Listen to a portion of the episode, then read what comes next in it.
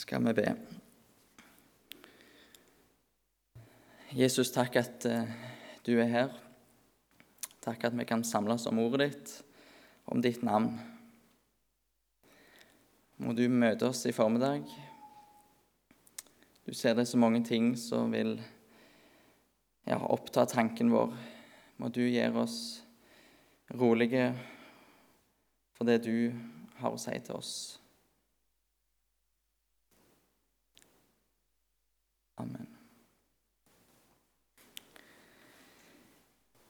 I dag skal jeg eh, ja, gjøre noe som ikke er anbefaler, alt jeg på si. Jeg skal ta utgangspunkt i en tekst, og så skal jeg aldri vende tilbake igjen. Men sånn blir det. Det er eh, egentlig én setning som jeg har stoppet for i Johannes 12. Det er på palmesøndag når Jesus rir inn i Jerusalem. Og så kommer det noen grekere til disiplene. Johannes 12, 21. Og så sier de til disiplene én kort setning.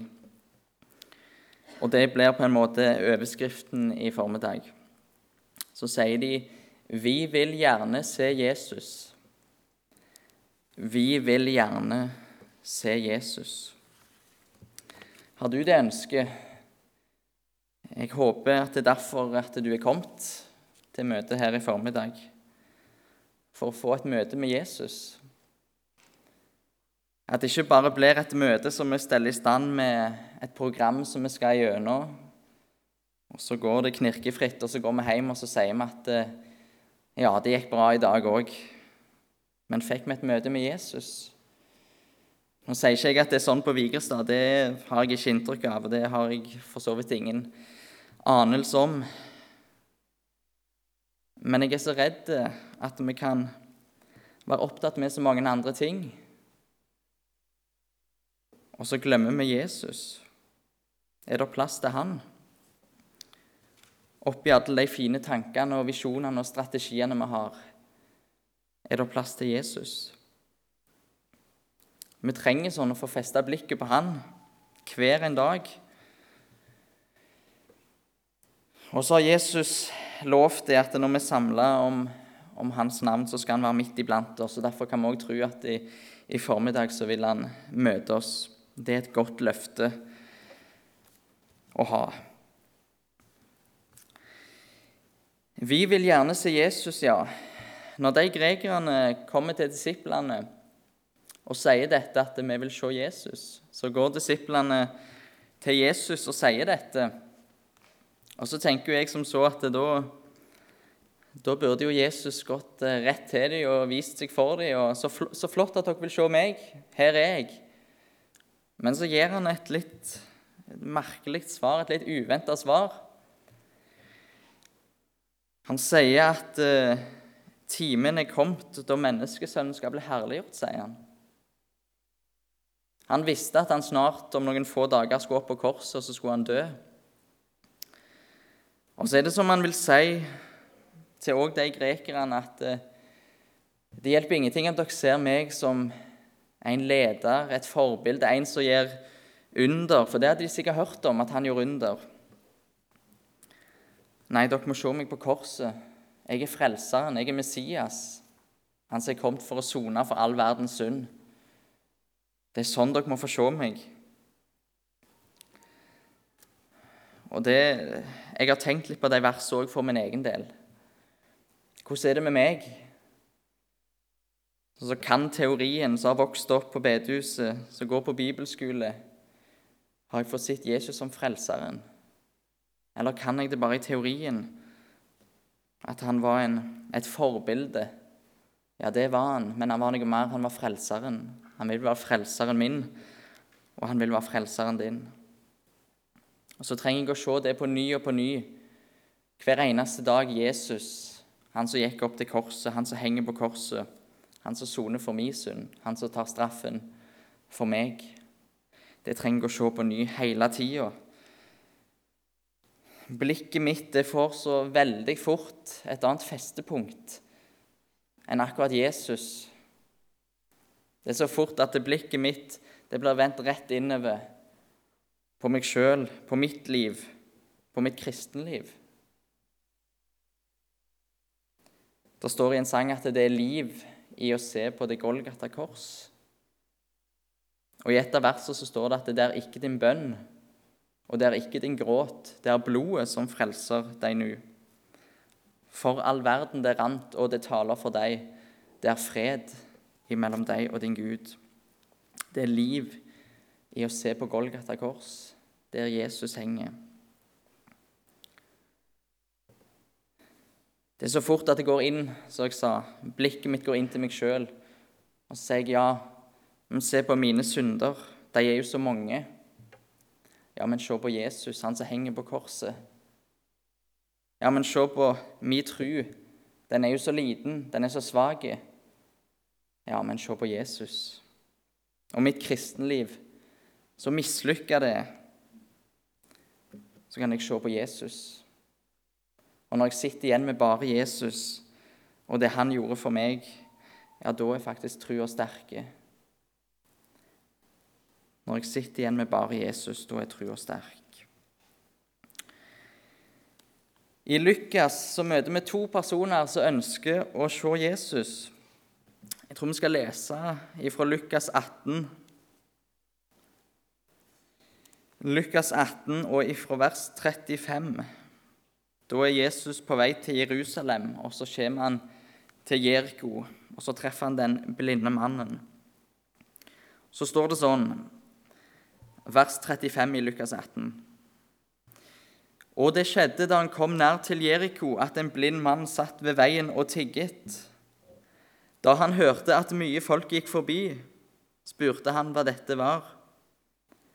De fortalte ham da at Jesus fra Nasaret gikk forbi.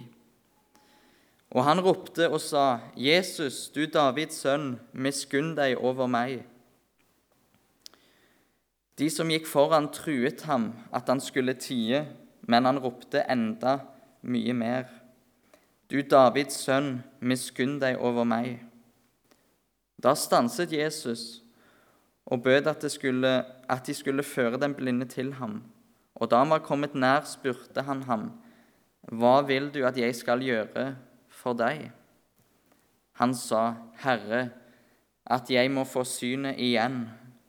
Og Jesus sa til ham, 'Bli seende, din tro har frelst deg.' Og straks fikk han syn igjen.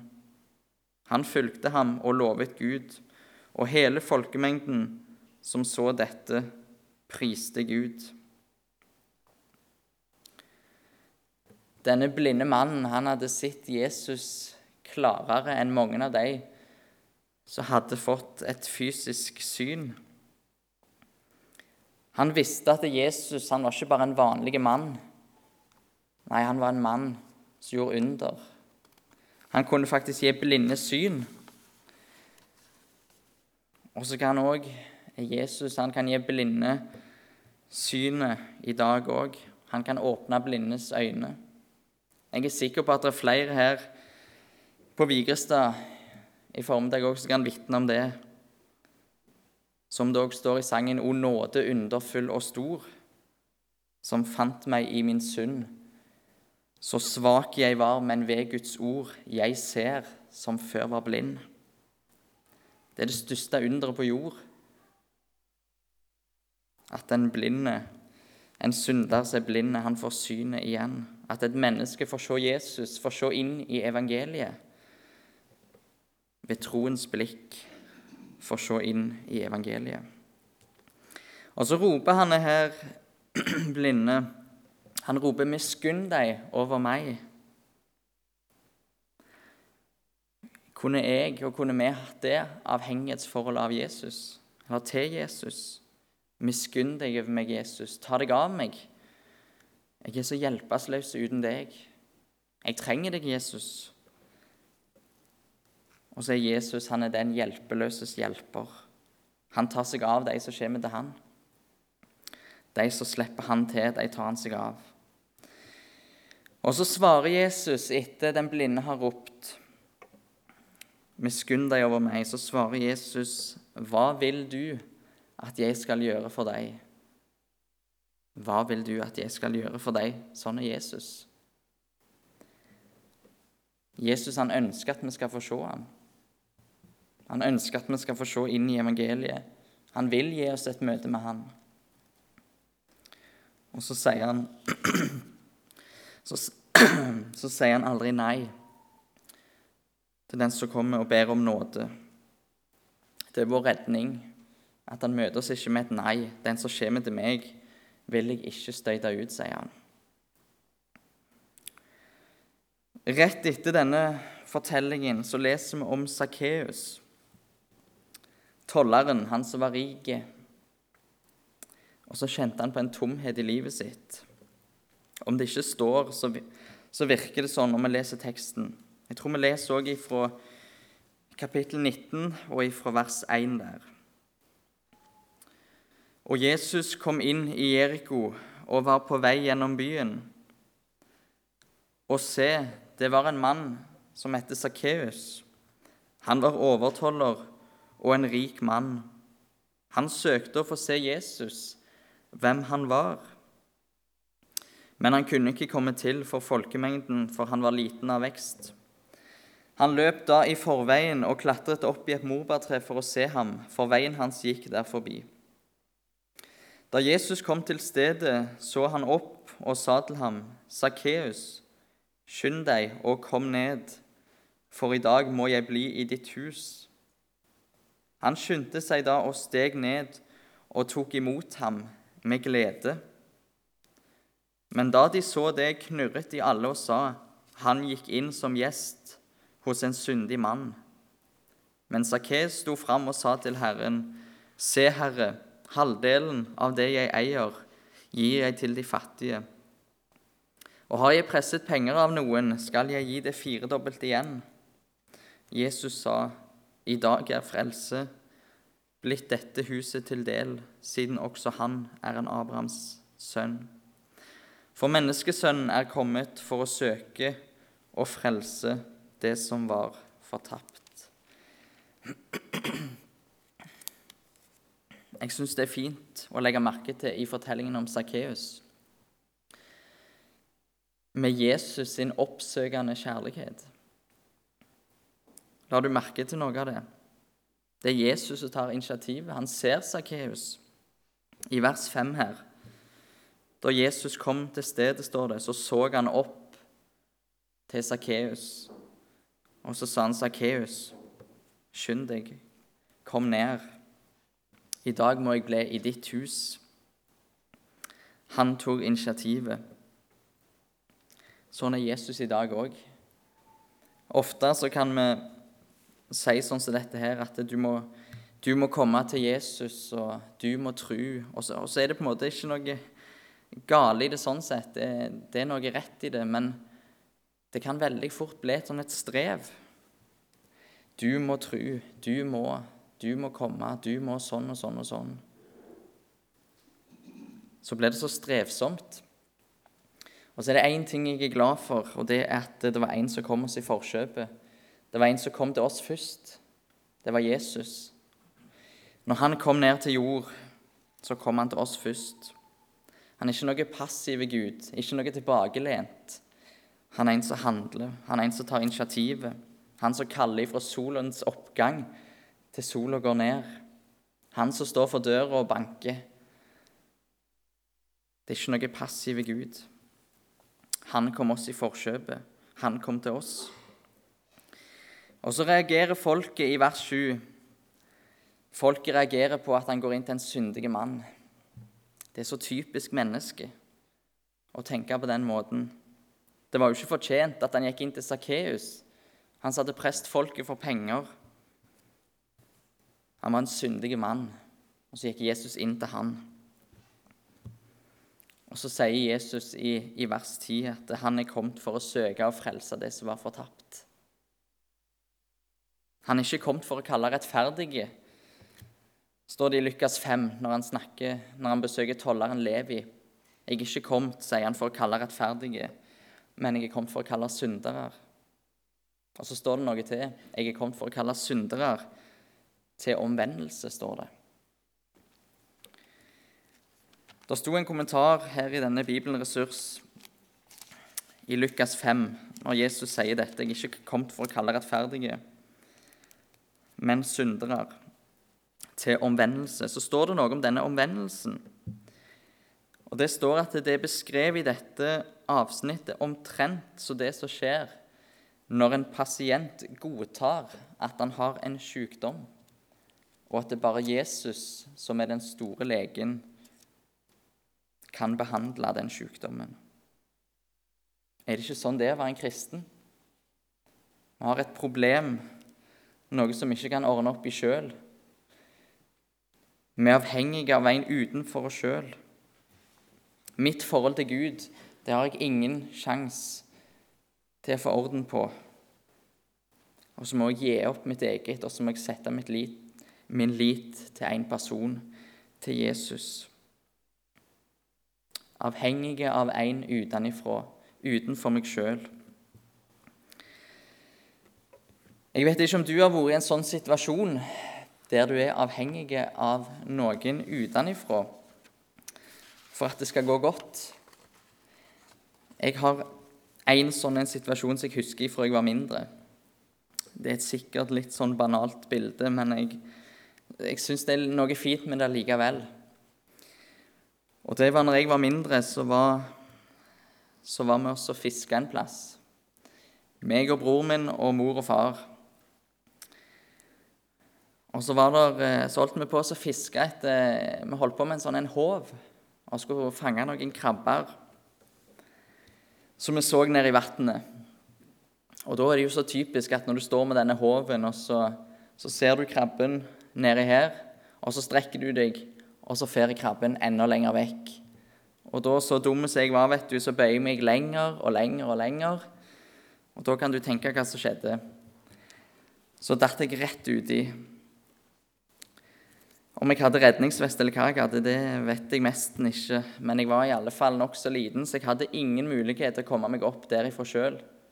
Jeg lå uti og sikkert bare støvlene som stakk opp ifra vannet der. Så var jeg helt hjelpeløs. Og heldigvis, eller selvfølgelig, jeg vet ikke hva jeg skal si, så kom far hadde hørt dette. Sto ikke så langt vekke.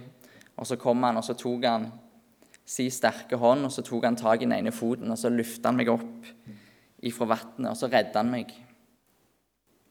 Det hadde ikke gått bra dersom ikke far hadde vært der, dersom ikke hjelpa hadde kommet ifra noen andre og ikke ifra meg sjøl, for jeg var hjelpeløs. Og så er det litt sånn jeg tenker også med Jesus. Jeg er så avhengig av Jesus at han får være min redningsmann. At han kommer med sin sterke hånd og så får han dra meg opp. Det står i, i Kolosserne 1,13 så står det at han er den som fridde oss ut. Eller jeg liker å sette meg sjøl inn i det verset. Han er den som fridde meg ut av mørkets makt, og så satte han meg over i sin elskede sønns rike. Det er litt av en forflytning, det ifra mørkets, mørkets makt og over i sin elskede sønns rike. står videre i ham har vi forløsningen og syndenes forlatelse.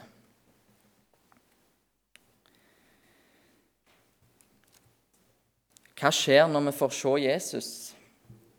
Skjedde det noe i Sakkeus sitt liv? Var det 'kom som du er og bli som du var'? Nei, det skjedde en forvandling i Sakkeus sitt liv. Sånn er det alltid når Jesus kommer til et menneske, og vi får se han. Da skjer det en forvandling. Da får han et nytt sinn. Da får han et sinn som ønsker å leve etter hans vilje. Og så henger det fortsatt så fast, det i oss som ønsker å gjøre han imot. Det blir vi liksom aldri kvitt. Men samtidig så har vi fått noe nytt inn. Et sinn som vil gjøre Guds vilje, som vil tjene og ære Gud. Og Sakkeus kunne ikke leve sånn som han hadde gjort før. Det står at han ga halvparten av det han eide, til de fattige etter han hadde møtt Jesus. Og Han sier at det de han hadde prest penger fra, skulle han gi firedobbelt igjen. Hadde han fulgt loven, så skulle han gitt de pengene igjen pluss 20% som litt sånn ekstra for at han hadde prest de for penger. Men så skjedde det en forvandling i Sakkeus sitt liv når han møtte Jesus. Så han ga de firedobbelt igjen. Når vi får se Jesus, så blir vi òg avslørt på et vis.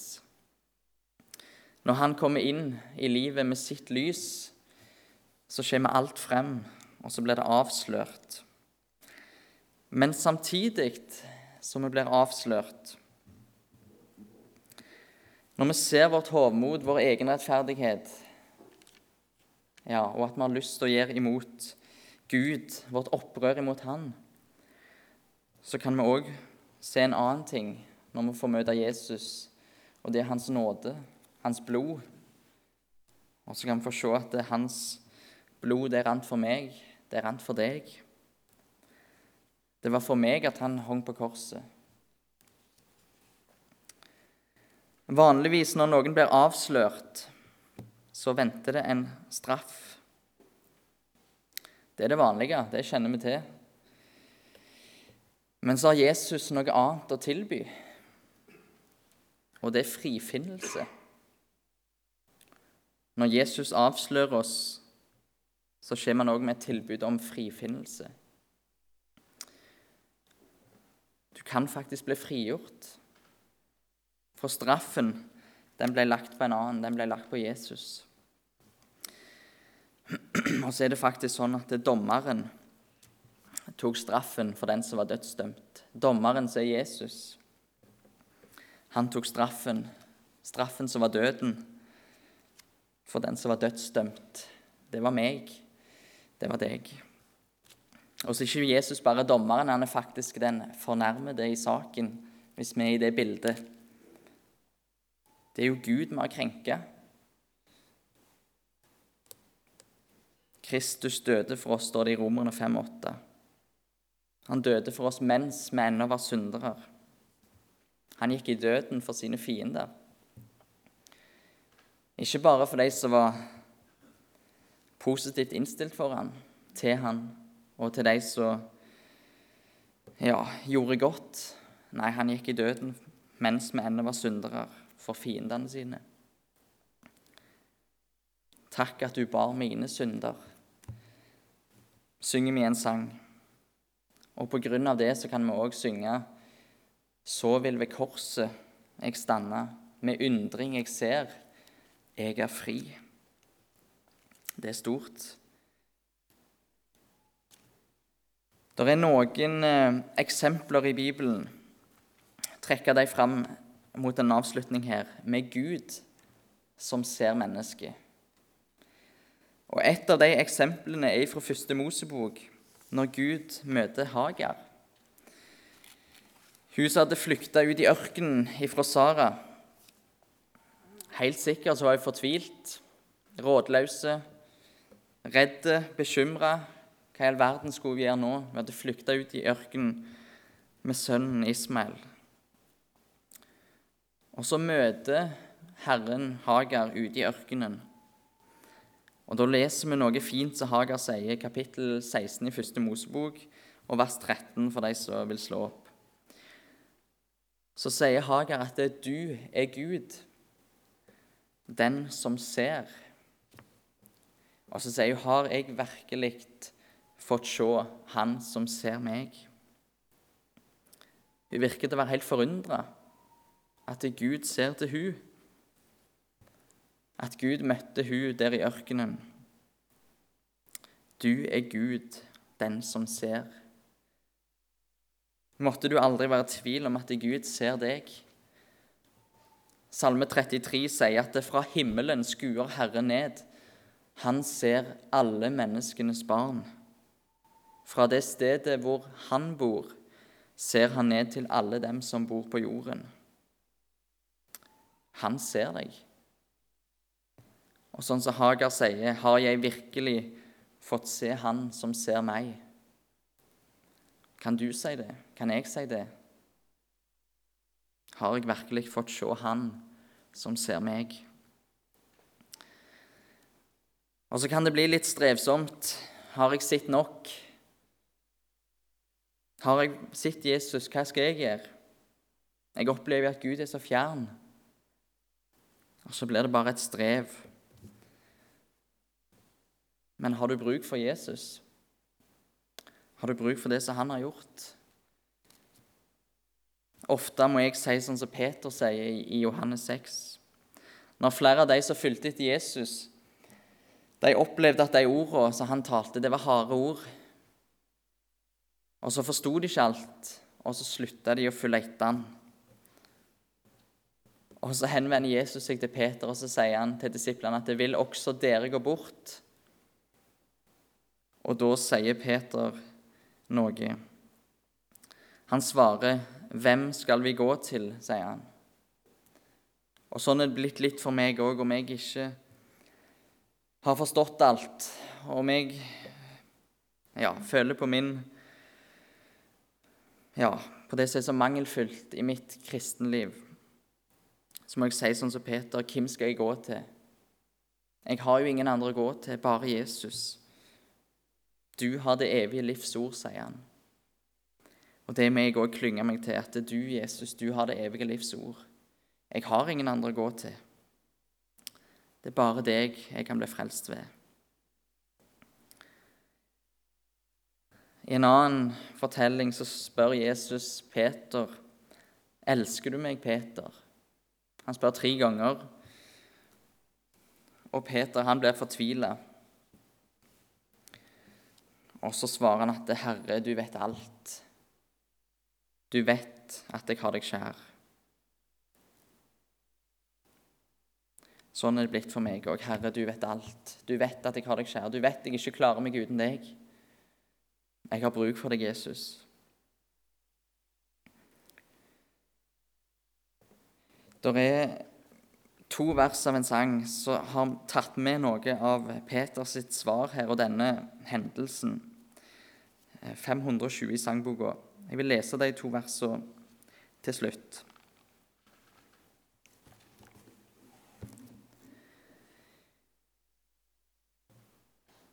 Og Der skriver Anders Hovden sånn som dette her Jesus deg møter, alvorlig og kjærlig.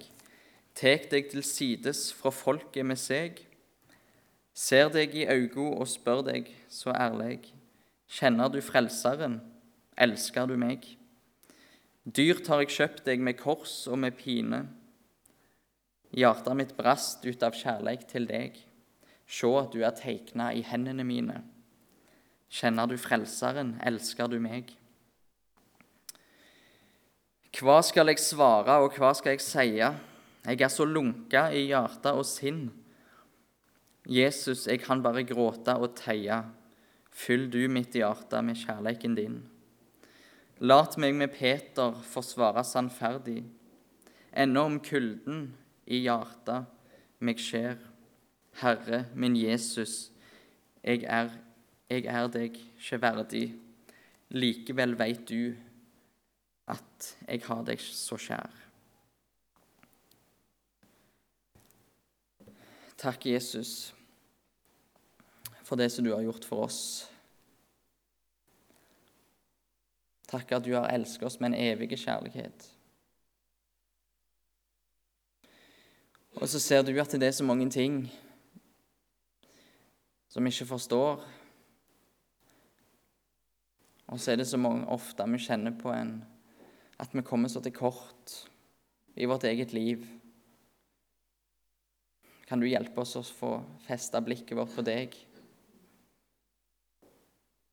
Vi har ingen andre å gå til, Jesus. Du er vår redningsmann, du er vår eneste redning, du er vårt eneste håp. Og så takker vi deg for at det håpet vi har i deg, det er et sikkert håp. For du valgte å stige ned til jord. Du gikk opp til korset, du sto opp igjen. Og så er du en levende Gud. Du lever i dag.